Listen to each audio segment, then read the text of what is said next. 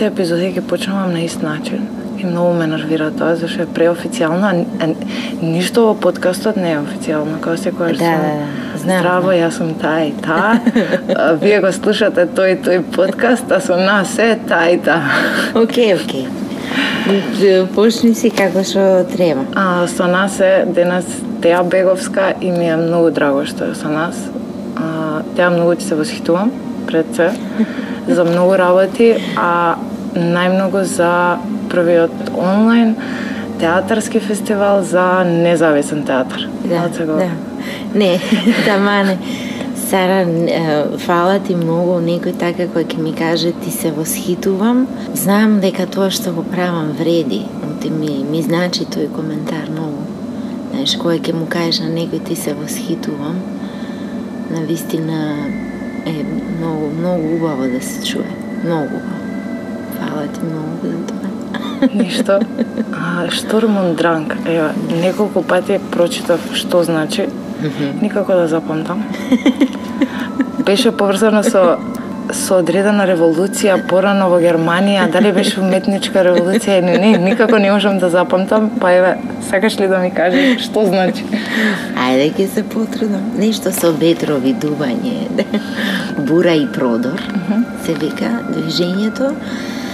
Знаеш, многу е интересно што тоа движење го почнуваат млади луѓе до 30 години, уметници во Германија, после им се вклучува таа банда познати Гете, Шилер, Хайден, Хајден, Јозеф Хајден и многу други уметници се вклучуваат на тоа револуционерно движење. Тоа се случува во областа на сите уметности, буквално. Ка едно од... Па тоа сме го работале и сме го читале во средно. Страданијата на младиот Вертер на Гете, од тој период е тоа, тоа дело на, на Гете. Мене ми беше интересен предизвик така да го наречам фестивалот затоа што тоа е едно движење кое што многу е важно во однос на формите кои што се јавуваат и како револуција, како нешто што треба да биде надвор од конвенција, надвор од она што е, нели мора вака да биде. Рушење на начинот на на пристапот, правење на нови форми. Ние кога го нарековме така фестивалот, не претендираме сега да бидеме ние Гете или Шилер, него да ја видиме која е таа штурмундранг револуција денес, која е таа бура и продор денес во областа на повеќе уметности. Затоа и фестивалот немаше само театар, туку имаше и повеќе уметности. Кои се луѓе помогнаа за да се случи фестивалот? Имам чувство некако дека голем терат беше на тебе и дека имаш као битка извојувана цела. Така. Да, така. И сега ќе се сетам дека додека траеше фестивалот, јас на тебе ти пишав, ти ја не можам да си карта. И ти успеа да ме вратиш. Многу бев да. Знаеш што, Сара, подршка ние имавме во Министерството, меѓутоа тоа се толку мали буџети за она што беше моја амбиција што ја сакав да направам. На вистина се убивме од работа. Не фер ке биде да каже, да кажам дека сама го истуркав, нормално како се вика, имав луѓе кои што ми помагаа, меѓутоа тие беа многу малку во однос на тоа што мене ми треба. И беше многу тешко ти јас не можам да да им дадам на да му дадам на било кој да комуницира со толку многу луѓе, кога веќе јас прво сум ја започнала таа комуникација и мора да ја довршам. Знаеш, на дневно ниво јас комуницирав со 30 луѓе. Вкупно имаше 70 учесници, тоа се многу. На секој да му посветиш внимание, да бидеш тука, да покажеш една професионалност.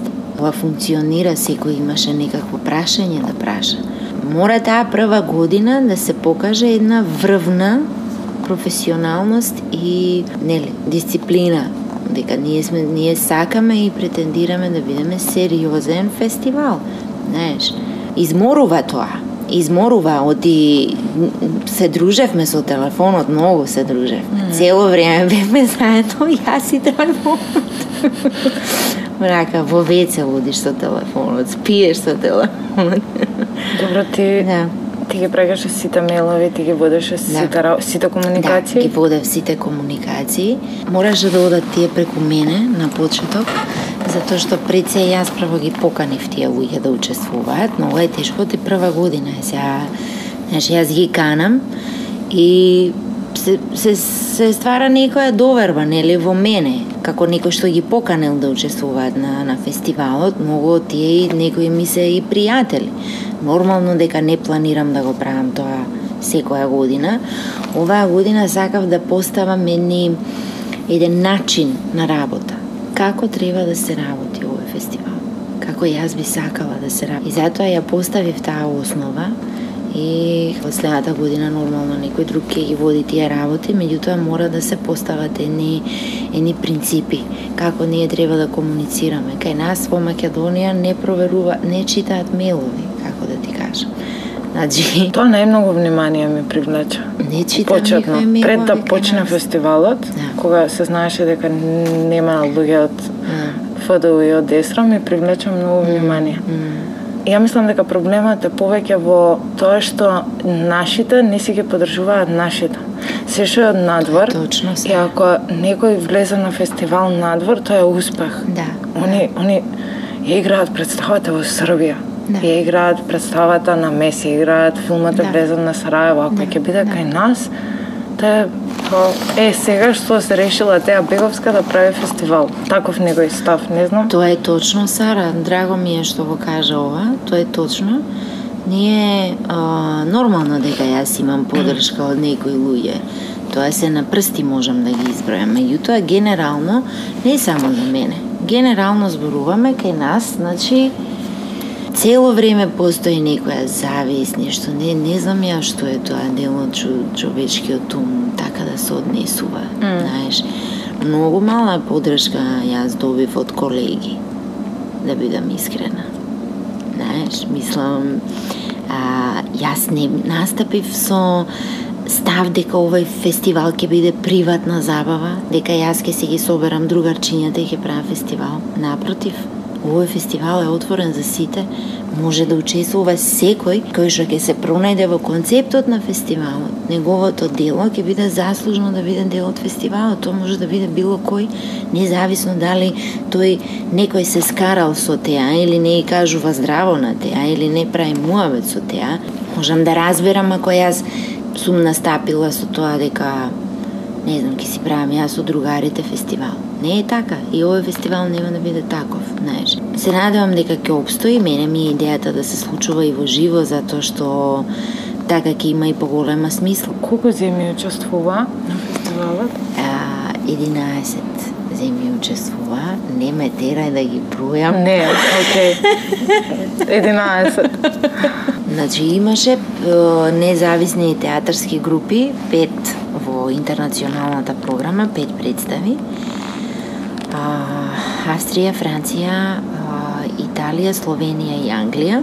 Тоа се сите независни театарски групи, освен Словенија, што учествуваше со Словенско младинско, со представа на Драган Живадинов.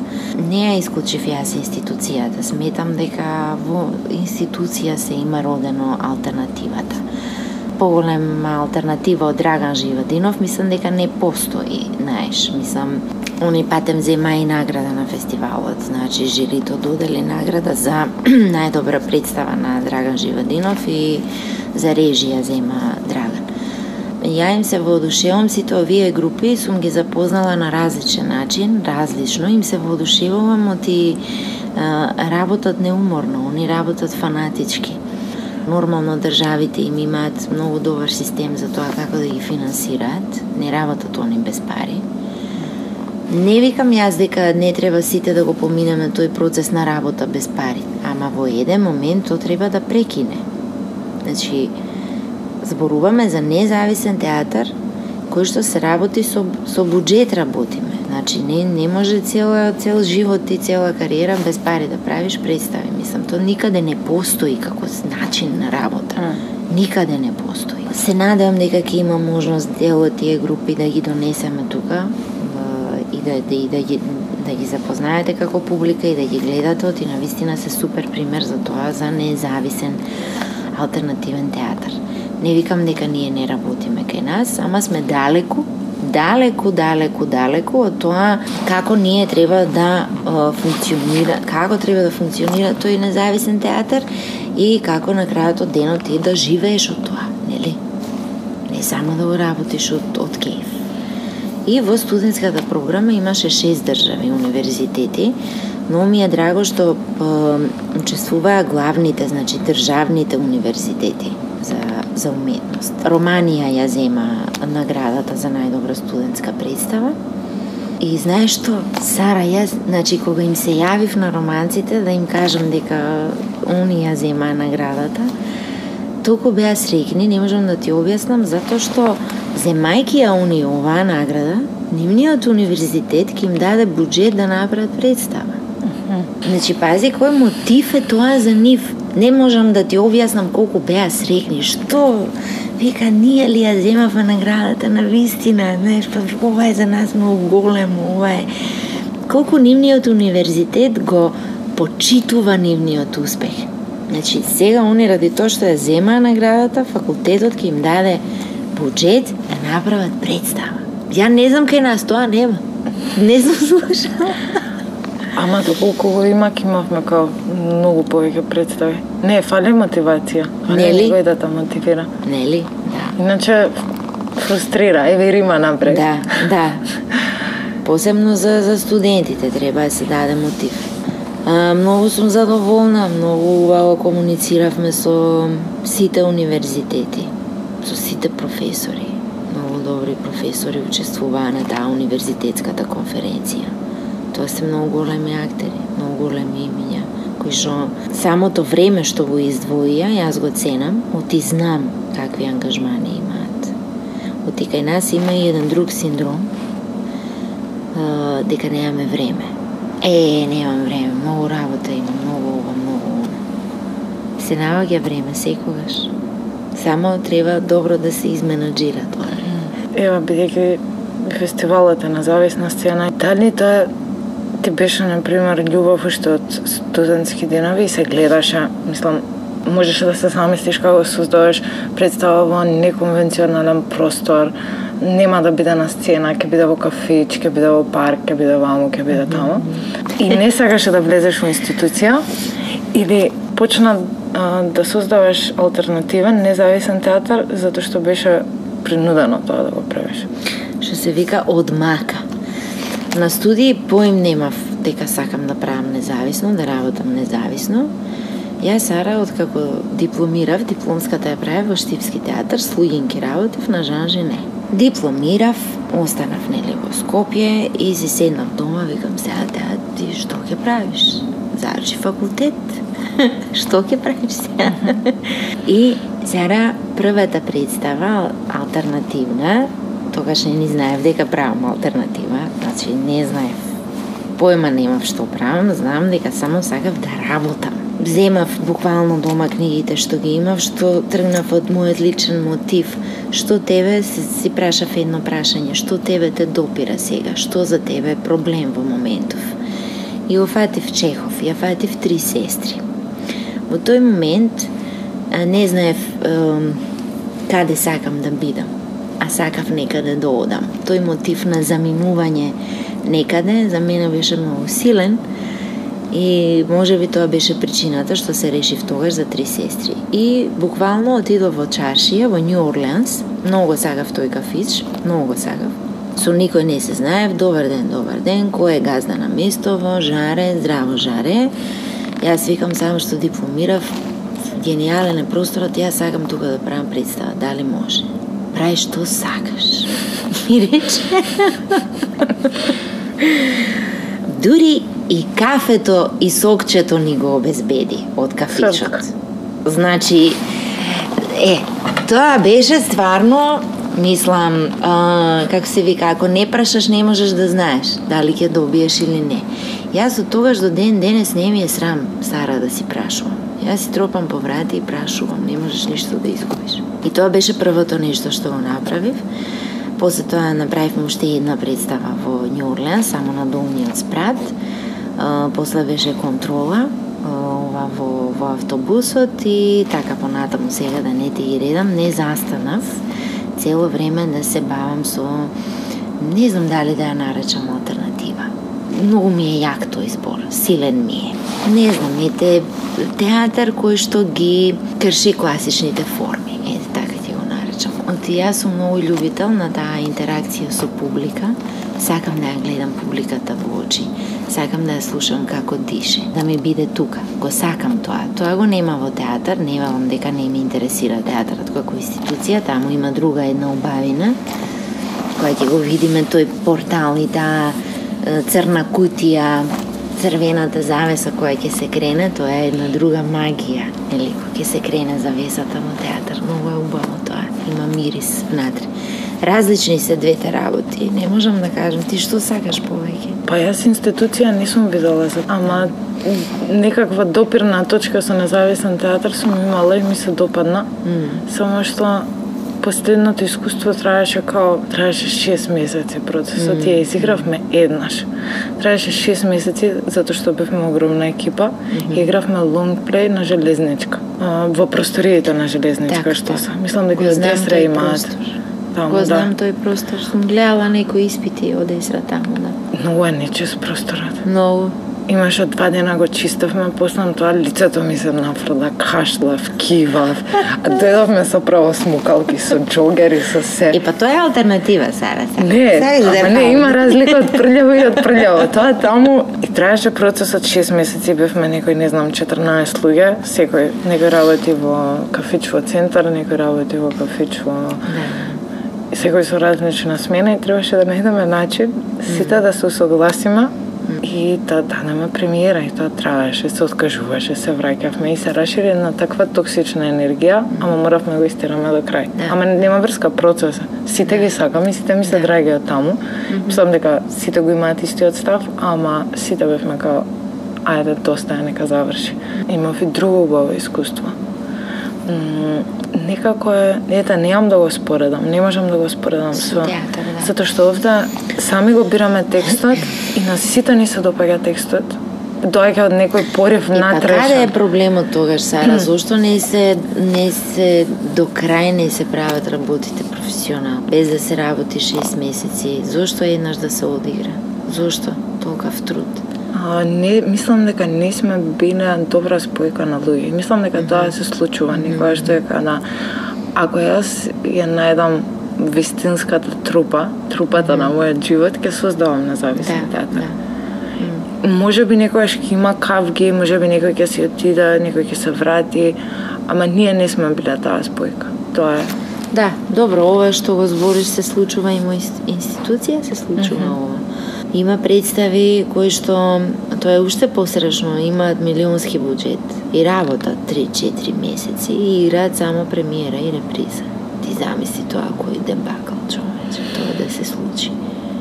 Тоа е за греота, за греота на театарот, на актерите што се на сцена. Дошол режисер од страна, режира, работат, сите работат по 3-4 месеци. Со пари работат, со буџет, па играат два пати. Тоа се случувало. Тоа е страшно. Мислам дека тоа е пострашно. Што ти е најбитно кај еден актер во односот режисер-актер? Што ми е најбитно? Довербата. Како и во животот. Довербата е нешто клучно. Оти свесна сум за тоа дека не се стекнува веднаш доверба од ти, не знам, одиш да работиш, да речеме во театар, каде што никој не те познава и ти никој не познаваш, меѓутоа на некој, на некој театарски јазик ние се разбираме и треба да си ја стекнеме таа театарска доверба, така да ја наречам. Таа ми е многу битна, многу, многу одговорна личност сум Сара почна да ме нервира тоа да ти кажам. Mm. сум точна и сакам сите да бидат точни. Се, еве, јас се воодушевувам и се восхитувам на прецизност, на дисциплина, на одговорност, на тоа се воодушевувам. Довербата ми е број еден. Сакам работливи и лојални актери. Ако нешто сме се договориле, сме се договориле. Ако си пружиме рака, сме си пружиле рака. Ако се испокараме, окей, да биде тоа окей. Сакам актери со кои што ќе се испокараме и нема да разговараме, но следниот ден повторно креативно ќе дебатираме на сцена. Тоа го сакам. Многу е ретко. Тоа, многу е ретко. Сега да те прашам дали ти си има случајно да не излезеш на крај со актер, ама сега кога го кажа ова, Да не излезам да, на крај да не со- се разбереш да не Е, сто пати ми се има случајно, како не. На секој му се има случајно. Ама тоа е нешто што што треба да се помине.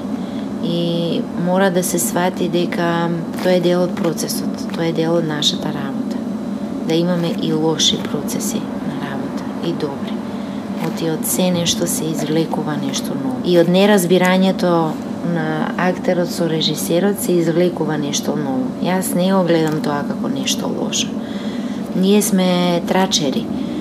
Знаеш, одма ќе излезе муавете, ја бе, таа појма нема што прави, бе, тие се испокарала со сите глумци, овој па врска нема што.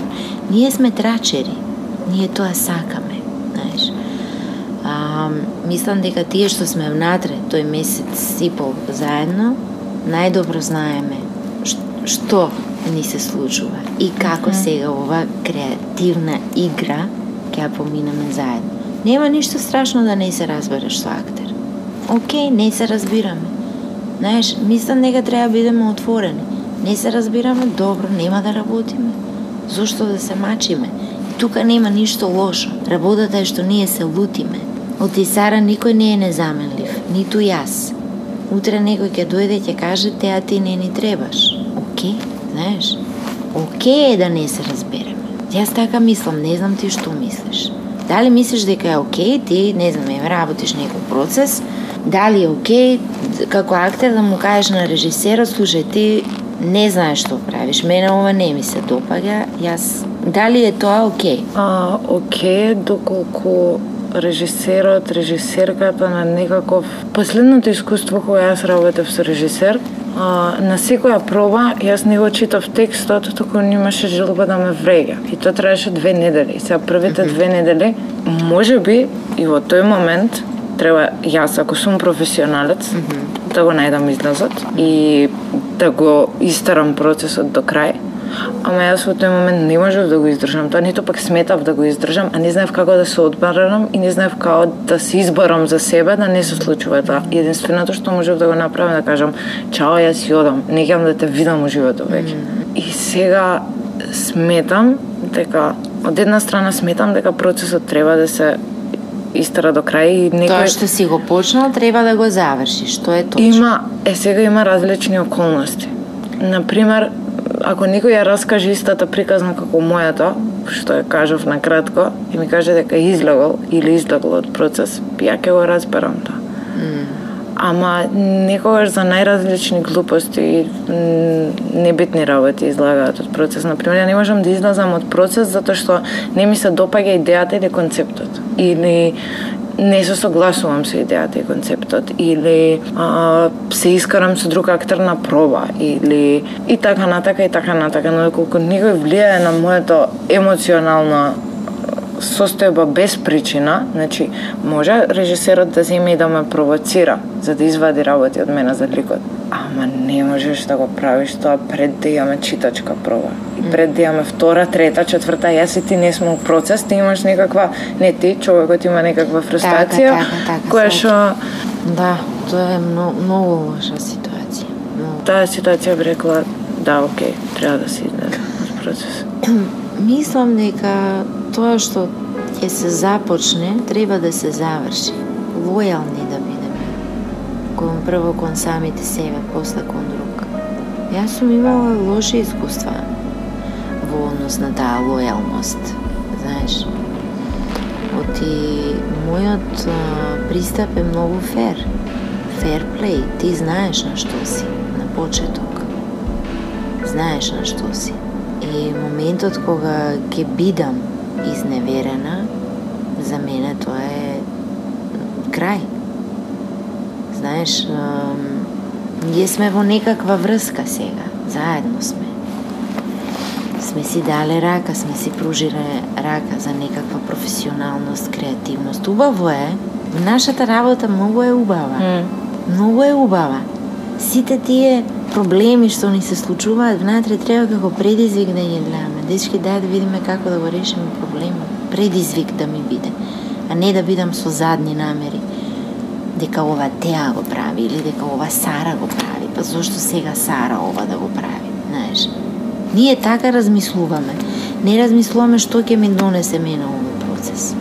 Како јас сега, не знам, Теа ме изнервира денес на проба, ме изнервира и јас сега што како би постапила јас? Јас ќе си отидам со таа нервоза дома, окей, и ќе најдам начин што што да извлечам јас од тоа. Како следниот ден да отидам на на проба со друга со друга енергија, со друг е, пристап, како да кажем. Сите не нема процес без проблеми. Тоа го знаеме сите многу добро. Но доколку ние би пристапувале на тие проблеми исклучиво со предизвик, а не со предрасуда, дека актерот не знае што прави или дека режисерот не знае што прави или дека ова нема врска што го правиме, ја мислам дека би си поминале многу посреќно. Нели мислиш дека е, така? сум имала искуство и каде што му верувам на режисерот, режисерката и каде што не му верувам. Добро. И најубавите работи издагле кога и режисерот и акторот си верувале еден на друг. Нели? Имале Нели? слични ставови, Да. Имале, да. стварно довербата, затоа реков, таа на прво место. Не само во професионалниот живот, пак ќе кажам. Нели? Сите стремиме кон таа доверба. На рецепт треба да си веруваш на себе. Е, јас сум актер човек и игравте, беше на репертоар во Националниот театар Да, во во Приштина. Приштина беше, се прекина ради короната. Како Кажа. А, имавте изведба таму и они ве повикаа да бидете дел од репертоарот, тоа како беше се? многу интересно. Сара, актер човек имаше над 50 изведби, стварно долго ја играв пред. А, во Приштина јас ја пријавив представата на фестивал. И ние отидовме на фестивал всушност, они имаат еден прекрасен интернационален фестивал во театарот Фарук Беголи се вика театарот во Приштина. И после представата, јас такво нешто немам доживеано тука. Значи, ние во Скопје многу ја игравме представата. Многу долго време ја игравме. Игравме во Public Room, игравме едно време во колектив, во галерија. Бевме и на Ристо Шишков со представата. Одма после представата, во Приштина, директорот влезе во гримиорната, тројцата бевме таму, јас, Томе и Даријан. Влезе, ни честита и ни кажа, вие сакам да бидете на репертоар по нашиот театар. Значи, мене тоа ми се нема случајно кај нас. Како да ти објаснам? без е, што викаат врски или не знам што. Не, не знае. Значи не се знаеме, не се познаваме. Не сум на овој на оној. После представа влезе во кримиорна, дечки, браво, честито. Кои се условите вие да бидете дел од нашиот репертуар. Толку беше договорот. Томе зема награда на фестивалот за најдобар актер и е, пречекот кој што го доживеавме таму Сара беше врвно, врвно професионален. Ретко се имам почувствувано така кај нас. Многу ретко. Скоро никогаш. Ако споредам. Истото ми се случи во Романија што го работевме проектот за време на пандемија со ова Декамерон. Тие моменти на И затоа тргнав и да го правам овој, овој фестивал сега. И тоа ќе биде така. И јас ја сакам таа професионалност, знаеш? Да не се бавиме зошто на фестивалот нема столче или никој не не пречека или никој не ни кажа добар ден. Мора да, да, да бидеме професионални, да имаме едно ниво на комуникација. Луѓето тоа го сакаат. Мене ми беше срам кога ќе видам дека сега пишувам јас мејл на словенско младинско со нивната продуцентка комуницирам. Ја од рок од две минути добивам одговор. Мене ми е срам да вратам после ми, после две минути. Одма враќам. Разбираш? Значи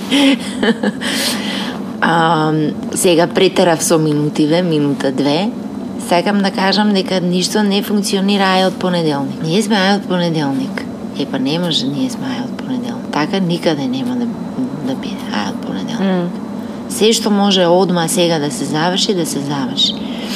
Се трудам, се трудам. Не велам дека сум гениална во тоа. Точно во точен момент, во даден момент, ми се случува вистинското нешто, што треба да се доживее. Не мислам само на позитивни работи, и на негативни. Ова мора сега да го поминеш.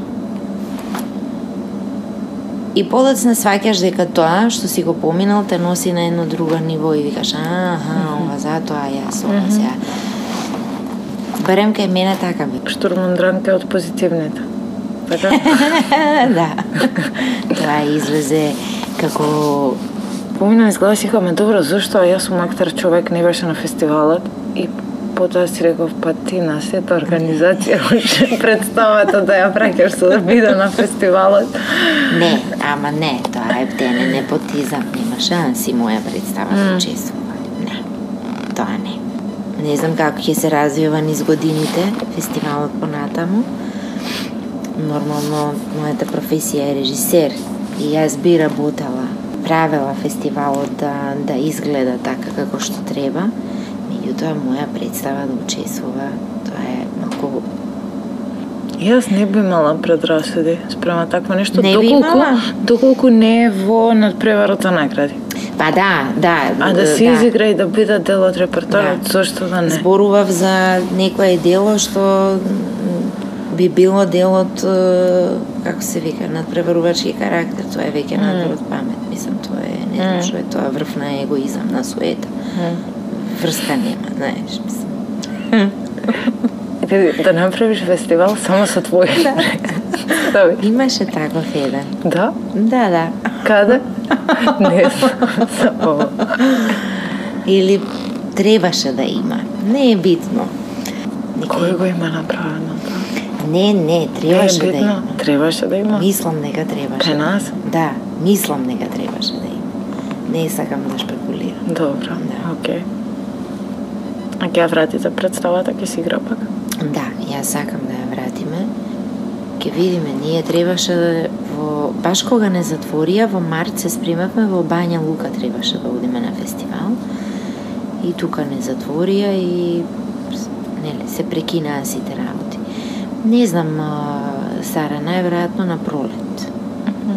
Најверојатно на пролет би ја вратиле. Јас сега за сега немам идеја за нов а, алтернативен проект да да почнам да работам, оти немам време сега за тоа. Ќе имам други ангажмани. Ама почна да ми фали. Многу би сакала. И ќе почнам сигурно некој процес.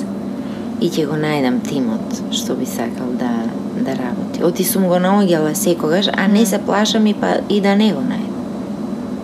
Не се плашам и да не го најдам. Така. Ќе го најдам. Ако спомна имам многу работа периодов, морам да те прашам ќе ги заборавам прашањата што ми текнуваат. На што ќе работиш периодов од сега до пронат?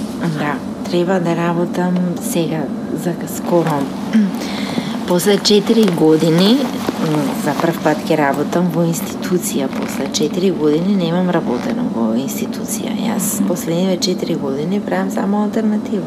А, во Тетово ќе работам, малограјанска свадба ќе правиме таму. И не дека јас сум заборавила како изгледа институцијата, ама ја имам подзаборавено. Не се малку 4 години, знаеш. Му се радувам многу на тој на тој процес, оти ти викам сцената носи друга магија. А не знам таму на пролет никаде треба да почнам и во драмски театар да работам, ќе видиме како ќе биде тоа. Ти викам, има еден дел од мене кој што не, кој што сака да прави алтернатива. Мене не им било проблем, сум имала мислам еднаш процеси во институција и алтернативно сум работела паралелно. Мислам дека не е добра пракса, ама е, мислам дека никогаш нема да се откажам од правење алтернатива. Па макар имала и 10 проекти во театар што никогаш нема да се случи. Од кај знаеш? Кај нас нема да се случи. Си вработена во драмски. Не само ти, уште многу режисери и многу актери. Да. И не само во драмски. И во МНТ, и на други места. Добро. Актерите не добиваат улога, режисерите не добиваат простор да режираат М. и не ми е јасно што треба да направи еден актер или еден режисер за да дојде до своето место во театар. М. Да, ти ја разбирам перцепцијата, затоа што не си била во, во институција, Сара. Мислам дека тоа е еден систем кој што треба менаџерот на театарот да си го да си го реши однос однос на режисерите и во однос на актерите. Мора да се најде начин како во текот на годината сите актери да бидат ангажирани. Сега имаш и случаеви каде што не се ангажираат актерите и од многу од разно разни причини. Mm -hmm. Не оти не сакаат да играат. Има разно разни причини. Многу е замрсена работата. Многу политика има во работата. Темата ми е многу далечна. Знаеш, многу далечна ми е темата. Ама еве да ја гледаме некоја, ајде да речеме позитивна страна на целата ситуација, дека ете менаџерот, директорот на театарот, неговиот план треба да биде јасен за да им најде простор на, на сите актери да ги ангажира. А, да. Во театар немало кастинзи за представа? Редко, имало, многу редко. Имало, ама редко, да. А, дали Епа, правиш кастинзи ти за, сега за представите? Правев, сега праве во Тетово кастинг јас.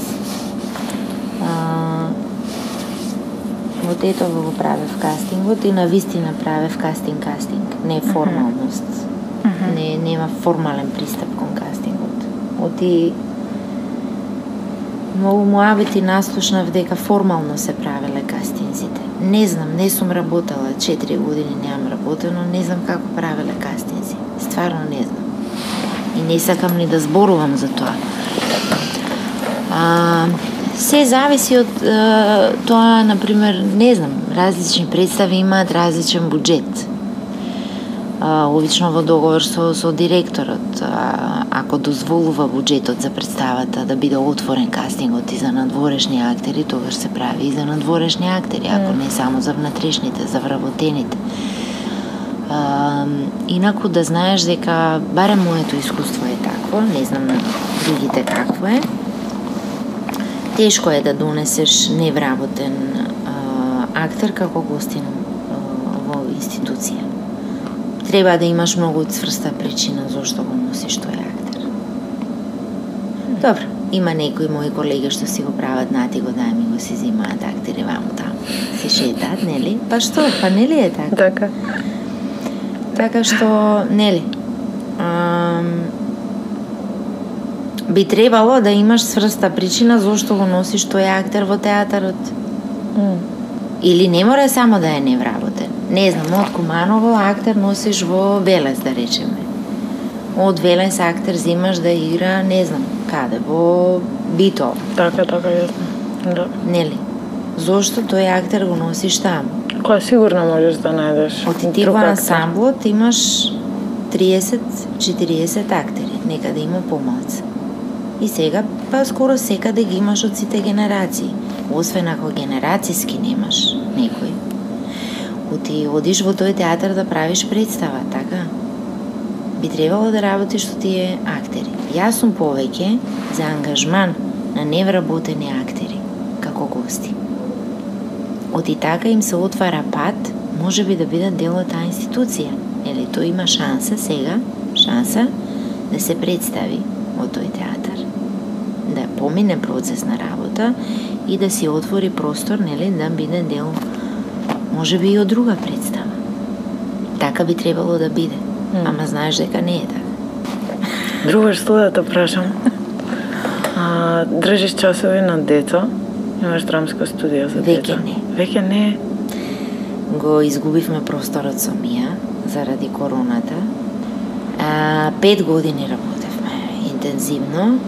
Работевме онлайн една година и оваа година го изгубивме просторот. Не знам, може би ќе продолжиме, може би не, но до крајот на годинава сигурно нема да продолжиме.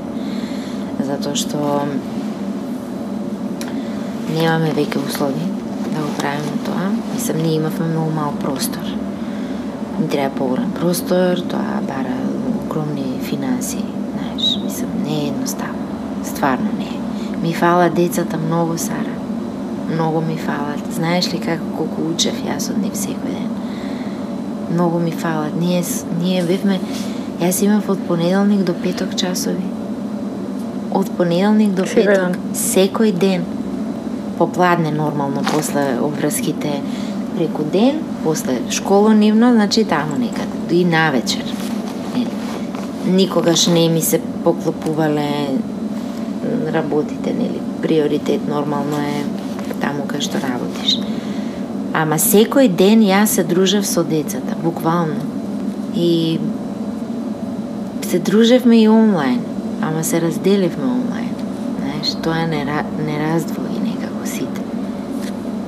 Многу, многу тешко, многу лошо. Ама, не знам,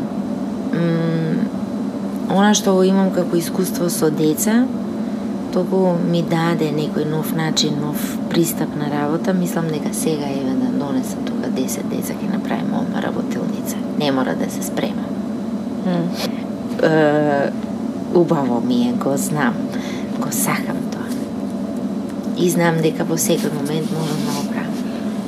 Многу е убаво тоа. Имаш не, си имала некогаш деца во представа твоја? Не. Не? Сме работеле представи со децата многу. Mm -hmm. Во професионална представа, ако мислиш во институција, не. Да. Ама сме работеле со нив. Имавме една група Сара, они почнаа да доаѓаат кај нас од своји 7 години и доаѓаа 5 години, интензивно. Значи, они завршија факултет. Истата група, 5 години. Ние со нив Шекспир на крај го работевме сцената со мајсторите.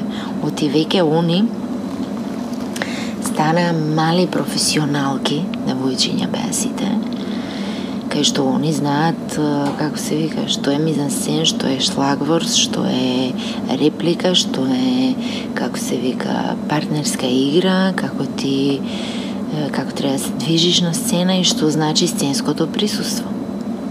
Да слушаш и да гледаш такви малечки професионалки, како се викаат, како беше дај ми шлагворд? Мислам како да а подтекстот како ми беше тука. Мислам тоа е единствена група. Не векам дека другите деца не ни биле добри, ама овие од 7 години доаѓа до значи 5 години. Факултет завршија за глума. Тие се толку една убава воспитана театарска публика. Не мора да се бават со така, така. Може би некој од нив ќе се бави, оти талентирани беа. Ама и да не се бават, они се воспитана театарска публика. Утре кога ќе одат да гледат театар, ќе видат многу воспитани и ќе знаат што е театар. Како се гледа театар. Тоа е многу битно. И од тој аспект ми е малку може би криво што прекинавме да работиме, се надам дека ќе продолжиме Тешко е да се работи затоа што секое дете си има различни потреби, своји потреби. Некогаш а, таква мудрост ке ти каже шамар, едно дете еднаш ми кажа, ја 6 години девојче, ти вика многу малку се смееш. Треба почесто да се смееш, ми вика. Тешко е, треба да ги разбереш, да внимаваш, да не ги повредиш, навредиш, да не ги изфрустрираш. Многу важно. А, посебно кога работиш во тим, во група со деца. Оти, знаеш, има секакви деца, мора да да се внимава како се однесуваат едни со други. А и ти како ментор треба да внимаваш кој, кога, кога и зошто и како ќе го пофалиш или ќе го искритикуваш. Фала ти многу. Фала ти многу, Сара, Сара. И мене. Многу да. беше кеф, многу убав муавет си направивме. Се надам дека ќе не ќе го дослушаат до крај. Mm -hmm.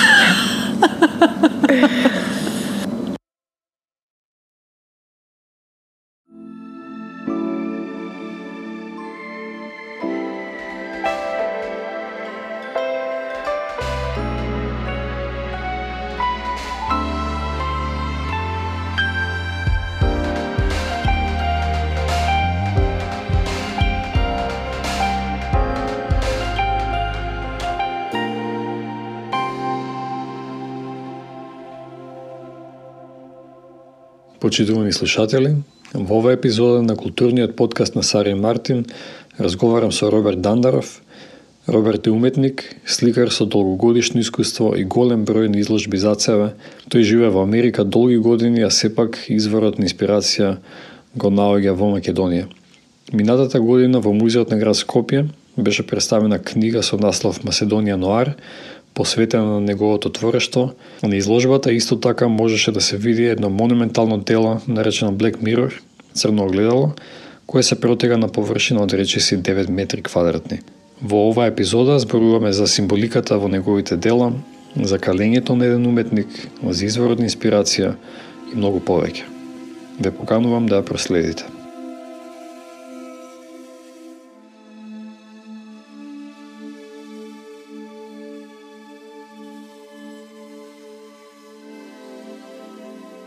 Роберт Дандаров, потигнуваш од од Македонија, но отиде да студираш уметност во Чикаго. во во Америка, во Чикаго.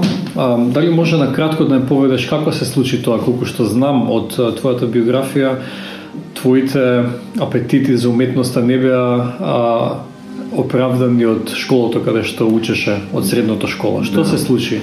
А, Као што ти, као што наполнав уметничкото, примање во уметничкото училиште, средното уметничко училиште 74-та ми беше еден а, од најсрегните моменти во животот.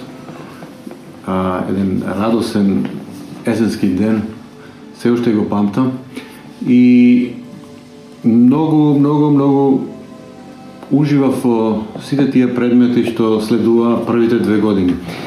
После ја бев во класата на Анастасов и ама втората година воведува некоја нова програма а, гимназиски смер некој математика, физика, хемија која ме тотално изведе од такт затоа што скратија да речеме акт и сликање и си помислив ова не може да продолжи, а морам да одам таму да го учам занаетот кај што целосно се изучува.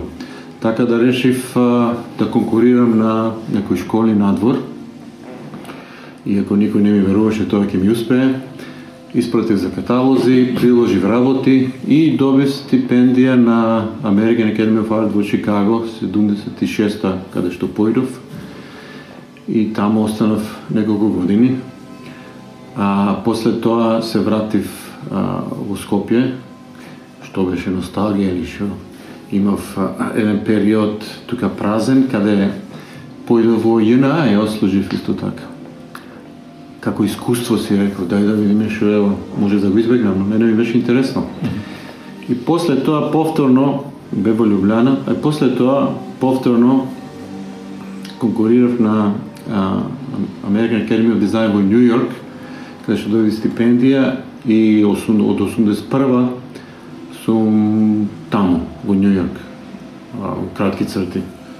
А, е, околу 1999 појдов Доминиканска република има да, една уметничка школа школа Escuela de Diseño Алто Червон, која е поврзана со Парсонс во Нью Йорк. Таму предавав едно околу две години и пак се вратив во Нью Йорк. Нью Йорк, Нью Йорк до кога беше до пред две години, заминав за Орегон, се вратив и сега сум се уште таму. А, како како би ја опишал твојата твојата уметност, тоа што го создаваш?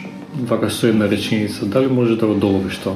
Па не знам дали може, но ќе пробам. А, верувам а, дека секој уметник е, што се вика, продукт од неговото географско потекло, како што е и виното. Така што се што правам, ја мислам, дојдено е од овие а, наши краишта, камења, манастири, митологии, кај што сум израснал црквичиња, природа, поезија. И тоа го имам понесено, знам, а, таму И со тоа сум се појал, немам ни една слика до сега на вистина инспирирана од Америка како Америка, што би било Енди Вархол и така натака концептуално и тоа. Секогаш сум некако во мене била таа наша поезија. Малку ми го измами а, прашањето, бидејќи ќе те прашав следно со оглед на тоа дека си отидам во Америка а, многу одамна. И ќе те прашав дали во твојата уметност има период каде што си инспириран од од Македонија и ми одговори на прашањето, но од а, друга страна сум зачуден бидејќи познавајќи ги твоите дела, барем еден дел од твоите Да. дела, таму гледам многу, да кажеме, структури што од прва не ме асоцираат на на Македонија. Например, Да. има има а, летечки тањири, Да. летечки чини. Да. А, има има урбани, да кажеме некои сфери каде што кои се во колапс. А, Да, да, да. Има има разни разни разни работи и как, как каде е врската со со Македонија? Македонија, а, врската не е она а, врска да речеме не права маке, македонски буквално слики ала Личеновски или а, јас сепак сум поеден во еден друг свет каде што има исто и некој влијание. Мене ме интересира а, не само нашата култура и митологија, него и светската и модерната американска. И тие услови, а, тие влијанија секако се повлекуваат. Јас мислам не сум а, а, некој како се да наречем баш архаичен сликар што само слика како се вика она те вака носталгични работи од Македонија. Не, Македонија е тоа оно оно оно зачинот што го носам мислам. Што што останал тука као као као прашина некоја. А, и што е добро, мислам. Мислам најмногу што гледам не недостасува на нашиве уметници овде кога ќе дојдам ќе погледам го, некако го отфрлај тој тој зачин не отфрле, не гледам мак- македонски да го наречем корен некој подлабок, потемен, немам видено, повеќе гледам утицај од надвор и модерното. Ама ти не си од таму. А мислам, не можеш, како да се рече, се учи за па Да, се не, заборава. не е ферментирано Не е низ, ферментирано. низ македонскиот Низ твојот корен, корен, тоа, твојот низ, корен. низ искуствата на, Треба, на минатото. треба да на се видиш прво себе си огледалото пред да го скршиш. Мислам. Да. И така да, а, кој што и ти примети, го има и Малевич, има и модерни а, работи кои се случуваат по светот, може да најдеш овие мои, мои дела, ама низ тој филтер, како да го наречам, а, Македонија нуар, по стариот стил го викаат овој по-примитивниот. Тој остана и ме, и ме радува што останал, јас се гордеам со тоа.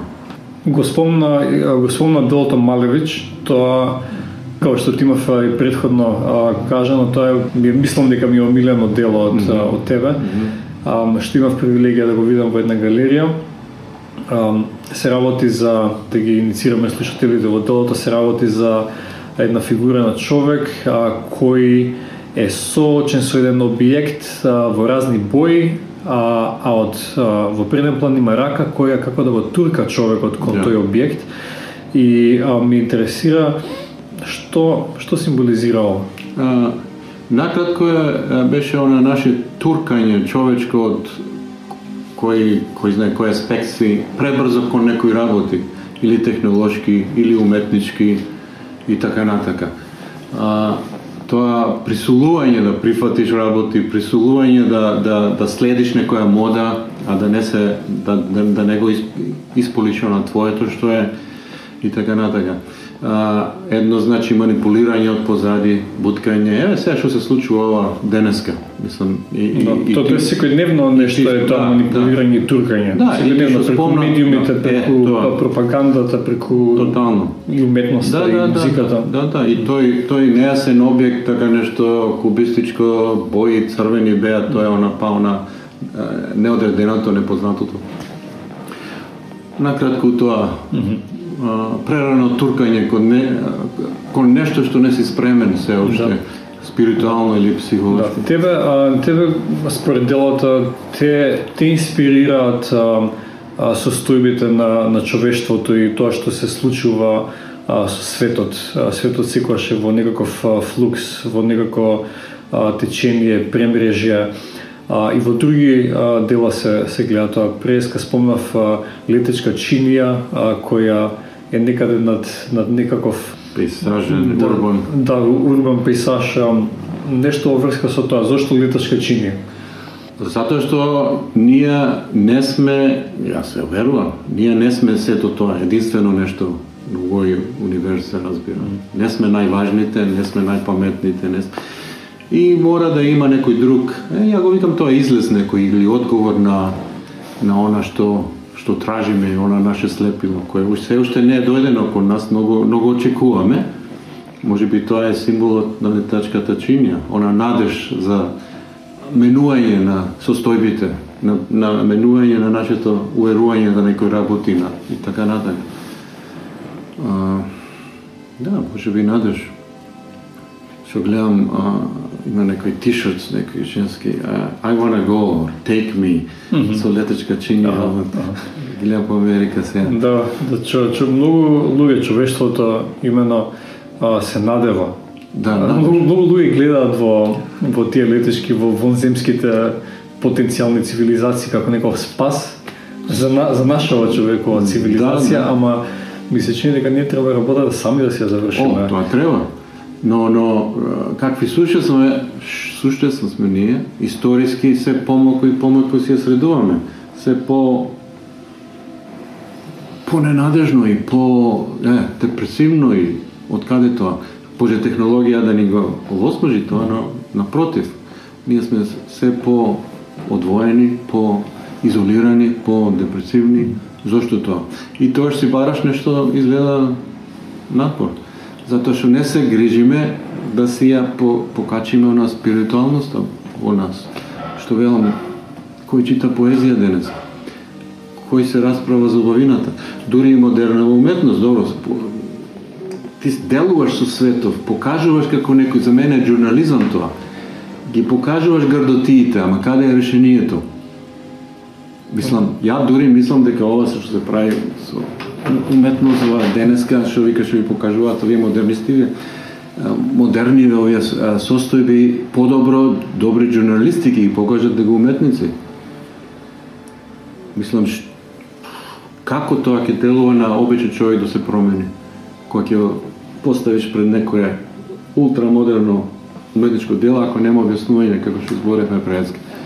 Еве ја разгледував твојата книга со што содржи прилично голем а, број на дела и фази во твоето творештво и во неа има дела што што говорат од прашањето за човековото тело Да. а, до сексуалноста, до нередот и до смртта. А, гледам дека има многу референции, а, многу алузии на а, на смртта. И да речеме, ме, интересно ми го гледам ово дело а, кое се вика Musical Theory од Да. 2008 година Да. и таму има една гротескна фигура која наликува на Пинокио, а, носот карактеристичен, а, но е од месо, а не од дрво и пишува Моцарт Да, на да. него. Има овие овие моменти во во, во твоите слики. Да, да. Пишува нешто, некаков надпис, Да, некаков. да, е, па ова беше што зборевме за а, беззначајноста на само теориите, а, на теорија обја, а, на да речеме музиката или уметноста. Како ќе објасниш ти музика? Како ќе објасниш Моцарт?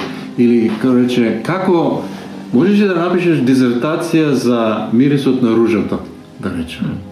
Тоа мора да се искуси. Значи, што велам овде теоријата е ова музиката, Да. и го расипува Моцарт, да речеме, објаснува таа тој мирис на ружата кој не е можен, кој не е можен. Да. Сака, Секој секој може во барем во денешен ден, а, секој ученик, да кажеме, а, секој дете може да биде иницирано во финото, во фините нешта, во образовниот систем. да, А секој може да го искуси Моцарт, но не се случува тоа. да.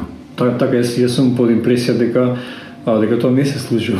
имаме технологии, имаме све, а имаме деца што а, запаѓаат во, во, во банди, кои потоа прераснуваат во, во криминалци, потенцијални за жал, Да. имаме апатичност, а го имаме Моцарт од друга страна. Време Моцарт. Е, тоа е, е затоа што се подпаднати под утицајот на модерните овие медии и исто така фамилијата од кај потекнуваат.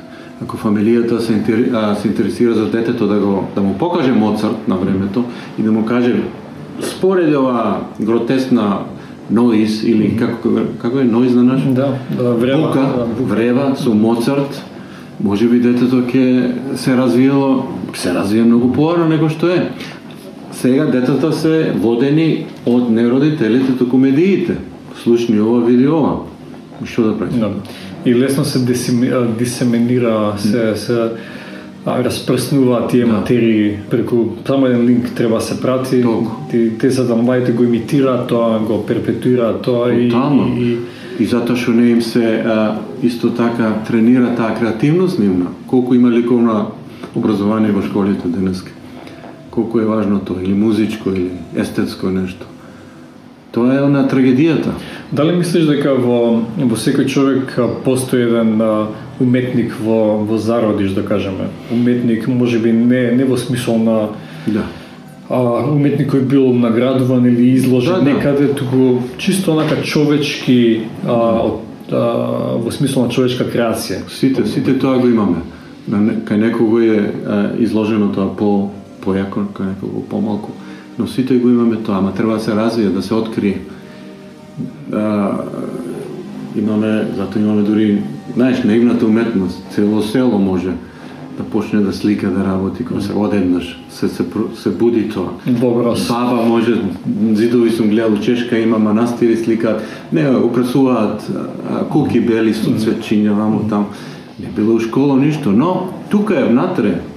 Само треба да не се негира тоа, да не се исмеува, да рече, ќе слушаме сега, Критика некаква. да. или ќе слушаме Цеца, кој ги имате тука, оние познати фолк, трубадури, што ти ја знам таму. Разно разни се. Зависи од, од, од, од, од еду- едукативниот систем, мислам, на општеството и медиумот. И пред се фамилијата, во почетокот. Фамилијата е, мислам, многу важна. А, имаше изложба во во музеј на град Скопје. Тоа беше лани некаде во во декември месец. А, тоа изложба во музеј на град Скопје наречена Macedonian Noir. Ам, што оваа тема на, на изложбата? Как, како ги поврзуваш Macedonian со Noir? Со концептот на на Noir би го превеле на македонски како темно, Темнина, те- хриби, како некако филм нуар. Како филм нуар. Да, ама ова е Macedonian Noir. Затоа што историјата наша е таква. Таа прашина, тој зачин што го носам, не е многу боем, не, не е радост. Тука имаме таа тешкото везилката и сето тоа. Еве и денеска, се уште е тоа тешкото се удира дека не, не е лесен некој воздух се уште. Никогаш не е ни бил, тоа е историја. А, кај што и крв се пролевува, и поезија се пишува, и скулптури добри се прават, и свадби, и клања, и, и лелекања, и тоа измешано е една турлитава, што е тешка и не е лесна. Не можеш да наречеш uh, Macedonian Light, Да. као light beer. И затоа, мислам, тоа е таа таа врска мала поради имиджот, поради имиджот. А, изложбата се а, состоеше од а, репродукции, односно од а, од принтови на на твои дела кои имаат а, и токму таква а, токму такви мотиви. Има има болка во, во тие мотиви, има а, разурнување и има да кажеме забот, забите на капитализмот Да, а, и може да се да се почувствуваат во тоа. А, како еве ти доаѓаш од Америка, таму живееш многу долги години. А, со со низ твоите патувања во Македонија, дали почувствува а, како прогресивно Македонија оди подлабоко и подлабоко во капитализмот или по друга перспектива повисоко и повисоко во, во капитализмот? Подлабоко или повисоко? Да. Капитализмо. Е, не знам а, каде оди за сега. Ова ми е една чудна ситуација, затоа што не е дефинирала, дефинирана според мене политички хаос. А, луѓето немаат а, а, глас, а патат не им е удобно, така, не се задоволни со ништо.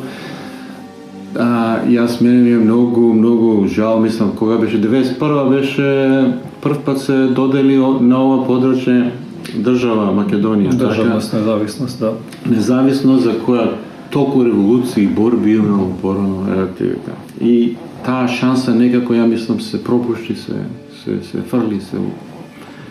До сега требаше ова да биде сосема формирана држава Македонија, а самостојна, побогата и со посрекни луѓе. Затоа за ова тоа беше сонот за кој толку истории и, и овде гледам некои споменици се прават, железари и чуда. И тоа се пропушти или се исфрли или се како да наречам, се пропушти возот. Поради неадекватни политички делувања на овие Да. површини, но Меѓу меѓу другото. меѓу другото. Да не Има многу влијание, но тоа е главен тел Главното, паѓа. А, као да немало како Треба да бидеш патриот за тоа да го, што го зборевме да го одржиш, ама изгледа не, не се најде доволно а, прави македонци да тоа го осварат. Тоа ме чуди се уште. И тоа ми е, тоа ми е мака да се уште луѓето патат и се повлијани на други земји кои им диктираат што да прават, како да прават, немаат глас. Да. А дали патењето е е универзално? Она социо-економско политичко патење што го светочиме и, и, и, и ти е многу јасно дека се се случува дека постои дека дали е универзално? Дали дали го има истото и во Америка? А, се зависи од која територија си. Mm -hmm. Универзално. Мислам и овде има одредени кругови се у рај, у рајска градина. Знаеш, но патењето е слично целиот свет, пошто сме сите исти луѓе, една една креација сме.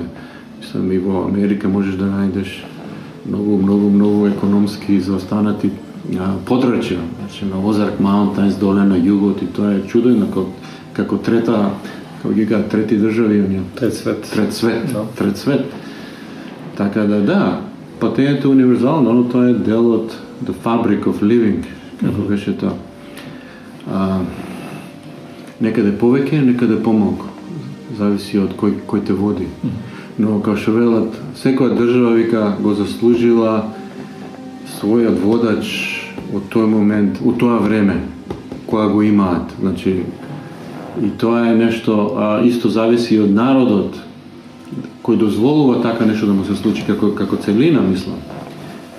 Не можеш ти да дозволиш некој, една група, што ти ја знам, политичари или, или а, бизнисмени да ти кројат животот. Тоа ја секогаш не го разбирам. Никогаш. Истото беше во Америка. Да речеме, овие две партии кои се остарени и скоро исто така криминални за мене, треба да се остранат, ама не им се дава. Слично нешто како овде. Не им се не им се дава да излезат од тоа, да дадат здив на нешто младо, на нешто ново. Овде каде е трета партија овде? Четврта, пета. Тоа е она, додека а, а, гридот владее, грид, Да, алчноста. алчноста, секојаш ќе има и патење. А ми мислам алчноста е нај, Да. најкриво. А как, како може, а, да речеме, еве за некои а, посетители на уметничка галерија, а ќе ќе поседат твоја изложба и ќе видат а, некој дело каде што а, фигурира и нож и и, и, и развлечени лица и така натаму патем да напоменам дека не се сите дела на Роберт Дандаров такви. Роберт Да, Дандаров не има има сите дела се прекрасни, а, се разбира на а, на свој начин, но не се сите дела такви.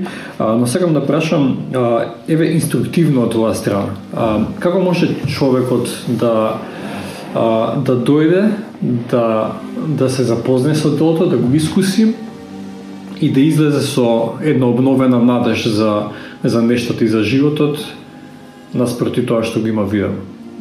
Кај дали може мрачното да да се заврте кон нешто кон нешто надежно.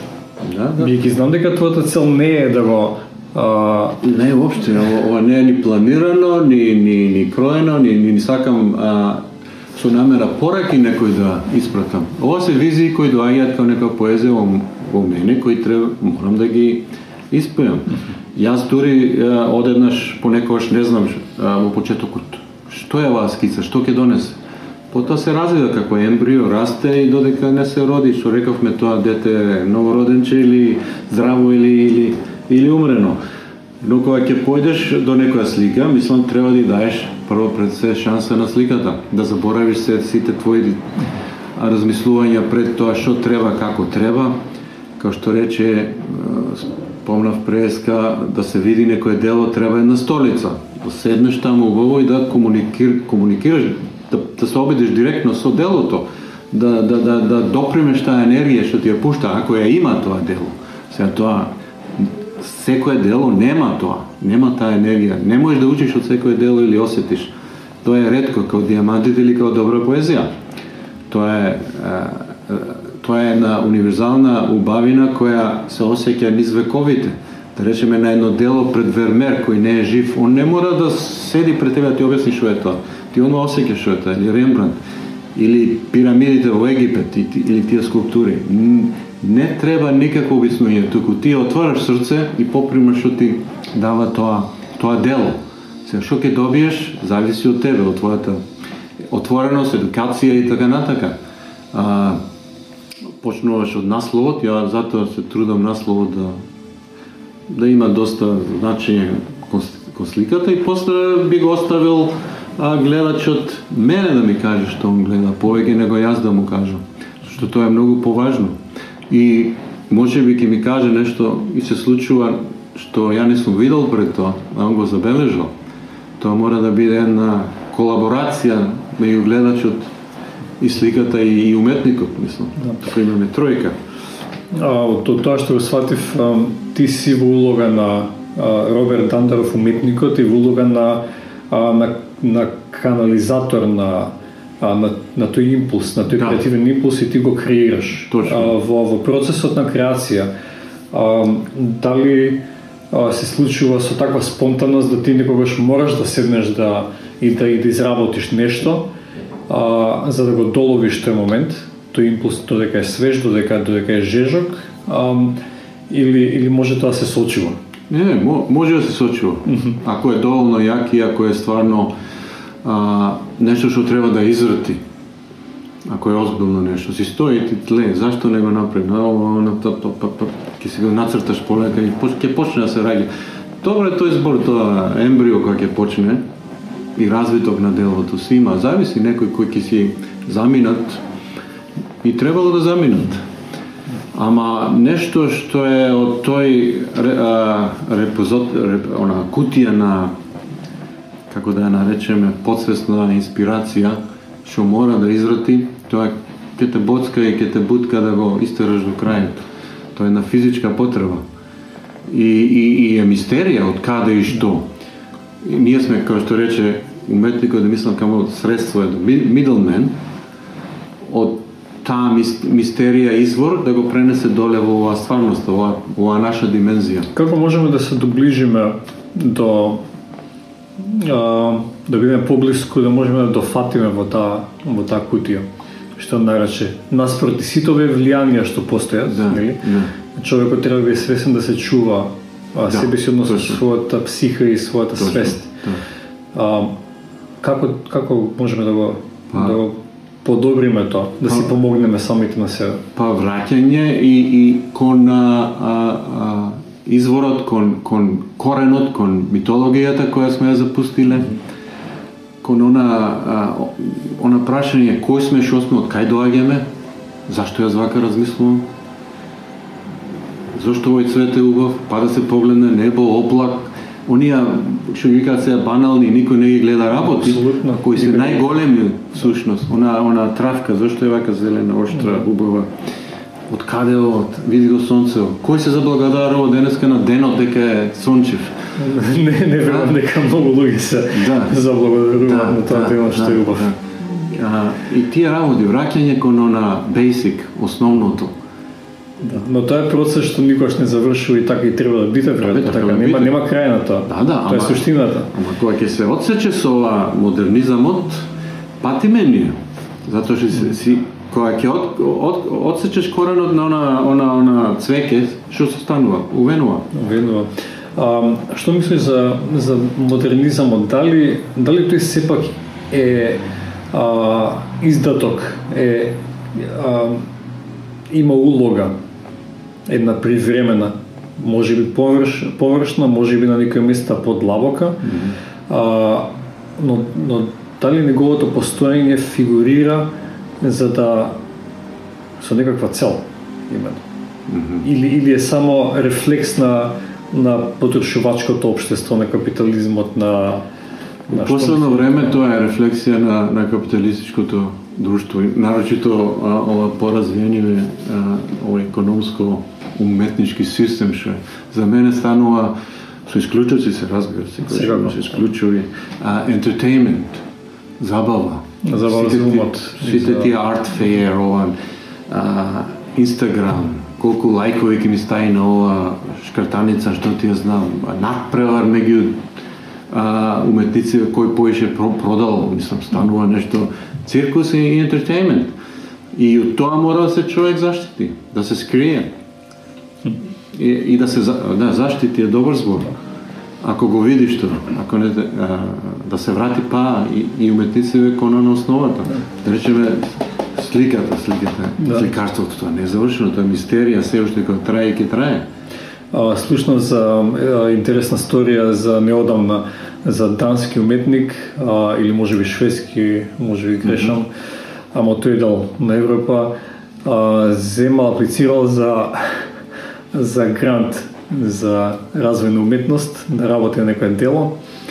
И делото што го испорачал било а, кутија во која имало порака take, take the money and run. No, Односно, а, грабни ги парите и би беге да те нема. Ова и, и, и тоа било делото на уметникот и сега го гонат него за Ево ти... Не, не, не е оправдано тоа што го да, сметаат. Тоа ти илустрира се прашањето. Супер, да, да, да. Take the money and run.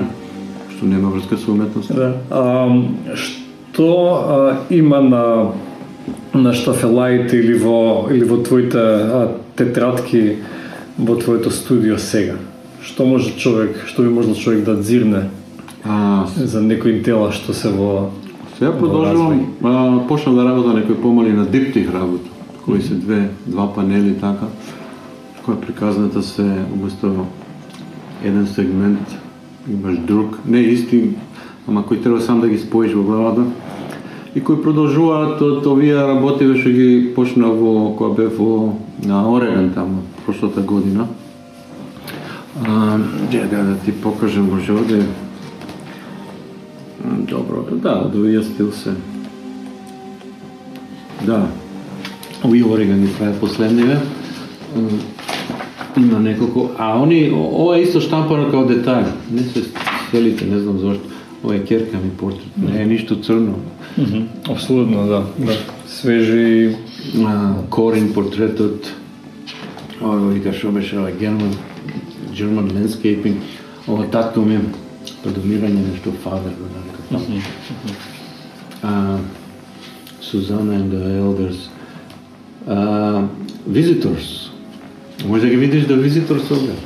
Па можам да видам нешто, можам да видам една една линија што асоцира на на тоа, а да другото не. Тоа тоа е тоа. UFO, па. Да, UFO. А А, ово, ово е диптих, значи ова Не, а, ова Не, не, не, овие не се дупи. Дупи се сега ги правам. Овие се последни да. Ова нека црташ таму. Па црташ. И така натака, но тоа ти даде. Да.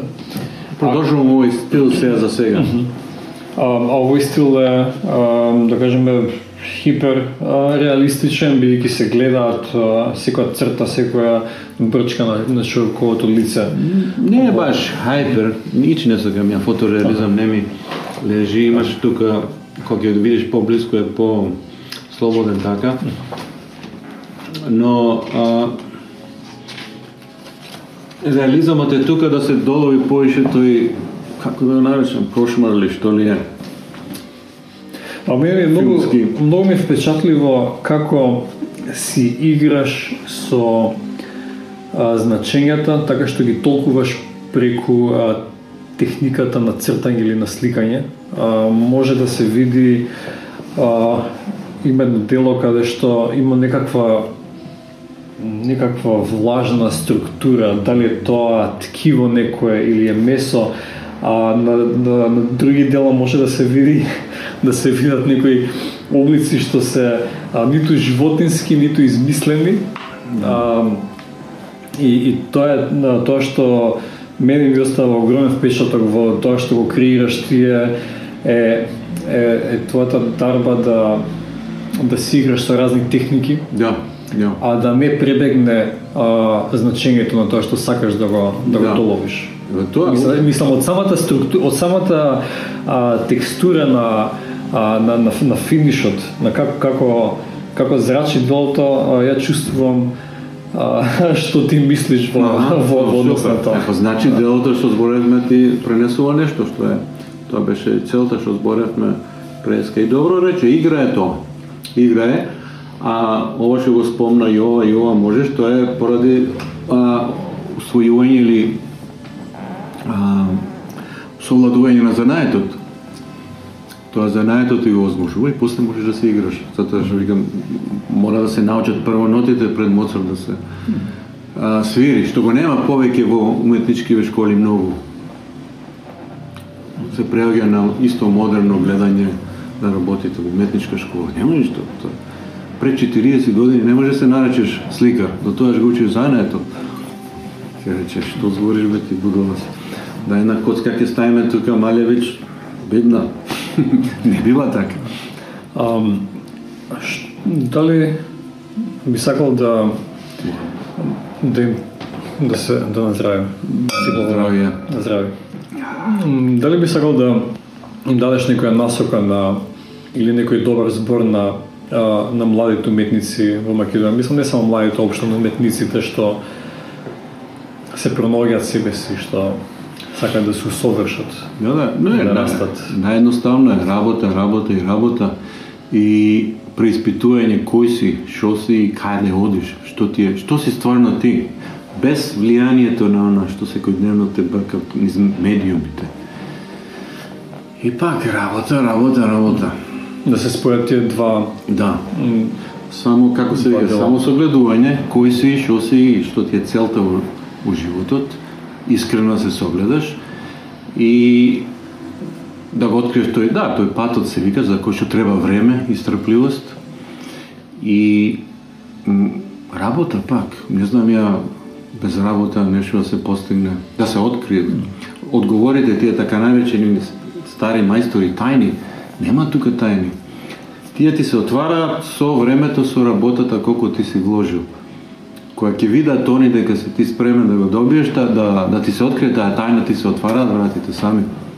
А Рембранд нема никакви тајни, 4-5 бои и ленено улје, најмногу има потребувано на неговите слики. Толку. не, не може човек да биде мрзелив, да Никогаш. те одложува работата, да очекува резултати. И, и сликар не стануваш со диплома, со некоја шо, мастер дегри или тоа, туку само со работа. И тоа е тешка работа, ризична, треба жртви, не, не се плаќа, не се наградува денеска нарочно. А каде е наградата во, во таа работа за оние што на вистина сака да бидат на тој пат? О, наградата е кога ќе чујам дека ти имаш комуникација со ова дело, дека јас се осеќам успешно е делото, како поезијата. Тоа е најголемата награда. Она последните намази на делото, она кога, кога да го речеме ла птит морт, што викаат французите, во свршување. Да, Тоа ти е таа, таа, тие се најголемите награди. Ти работиш повеќе најмногу за себе. Ова За своја душа. за своја душа, уметноста не, не решава ни, ни револуции, ни ништо. Не верувам ја со политичка уметност. Као Пикасо што рече, револуции не се решаваат со слики, туку со куршуми. он, он го рече. За жал, може би. А нема друго, како се со, со сликата ќе промениш едно општество. И Герника што направи на Пикасо? Не, не го избрка Франко или не, не реши нешто промена на во, во, во степенот на, на она развитокот на спиритуалноста на овие фашистиве да се променат или ништо. Тоа беше едно, едно убаво супер уметничко дело кое му донесе повеќе слава на Пикасо и толку беше. Но политички не знам што реши. Но е Джордж, а, Джордж Орвел, верувам дека ти е познат, Орвел, 1984 авторот. А, во еден негови, он, он е пред се е, е ам, он е есеист на, на политичкото. И име на мисла га вели all art is propaganda. А сека уметност е пропаганда. А, и е, можам да се согласам дека дека нема да донесе револуција едно уметничко дело, Да. ама може да ги посади семчињата што ќе донесат лична револуција, Лично. што може би ќе го а, се влее во бранот. Тоа да, подлабоко може, може. Е, треба да се отвориш за тоа. А за тоа да, како ќе ги отвориш очите како како поединка да го поприми тоа, преска што зборевме. Па доаѓа од една едукација, естетска мислам, така, од фамилијата и општеството. Да, револуција, револуција. Пред се треба внатрешна револуција, за да има надворешна, така? Тоа е добро речено. И она а, ме прашува, што е за тебе уметност? Тоа сакав да кажам. Преска се спомнам младите со секогаш го цитирам Шопенхауер. Ми е најубаво он кој има објаснато вика Art is suspension of the pain of living.